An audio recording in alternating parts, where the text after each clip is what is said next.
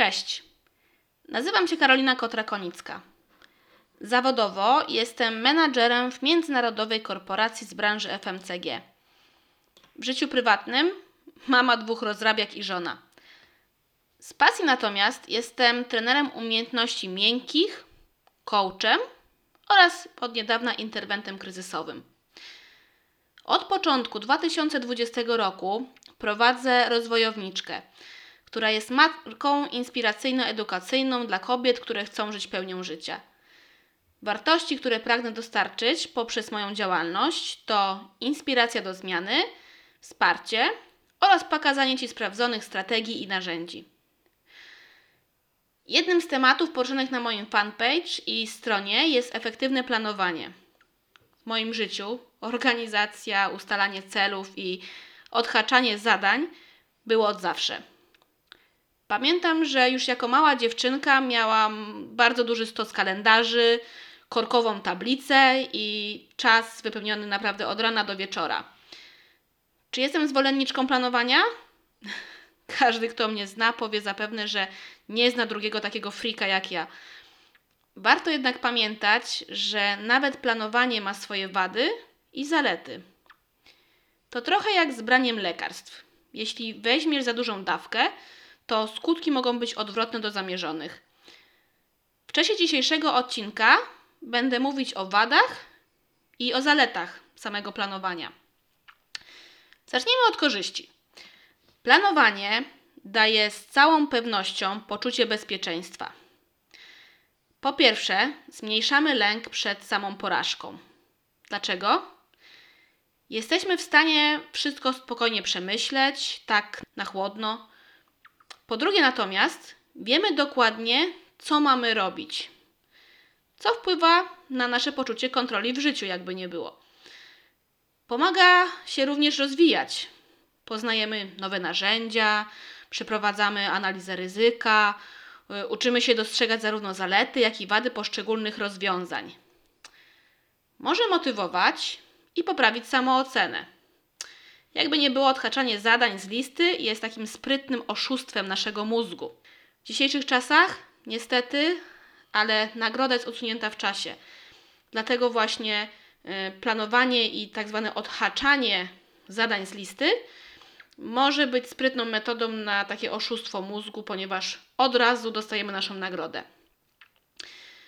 Jeśli chodzi o sam przykład na korzyści z planowania, to mogę Ci opowiedzieć troszeczkę z mojej perspektywy, jak to wygląda. Raz do roku przeprowadzamy sesję w mojej korporacji, w trakcie której tworzymy tak zwany masterplan. Jest to nic innego jak plan wszystkich rzeczy, które powinny być zrealizowane w następnym roku, tak żeby zrealizować nasze roczne cele e, firmy.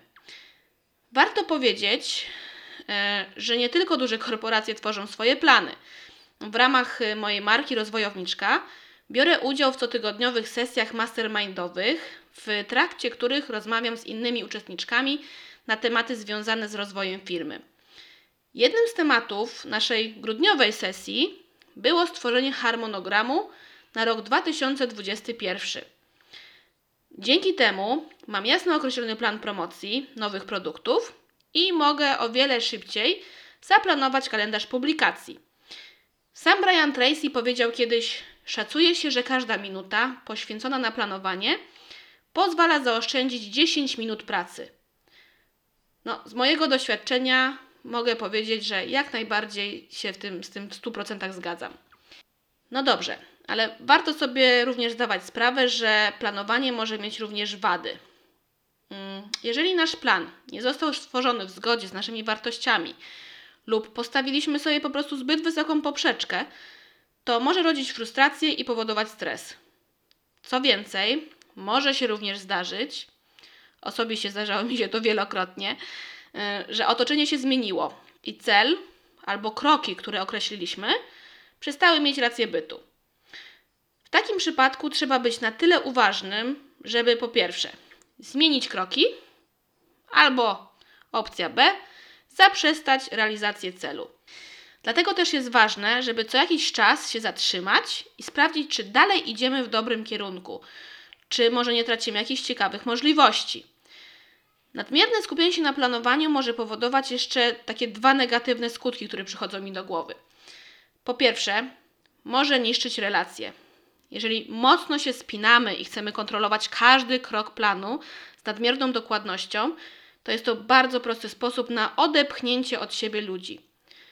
Po drugie, może się również zdarzyć, że będziemy na tyle mocno pochłonięci realizacją planu, że zapomnimy o odpoczynku, co oczywiście może się odbić na naszym zdrowiu. Takim przykładem z mojego życia e, może być dość niedawna sytuacja przed porodem.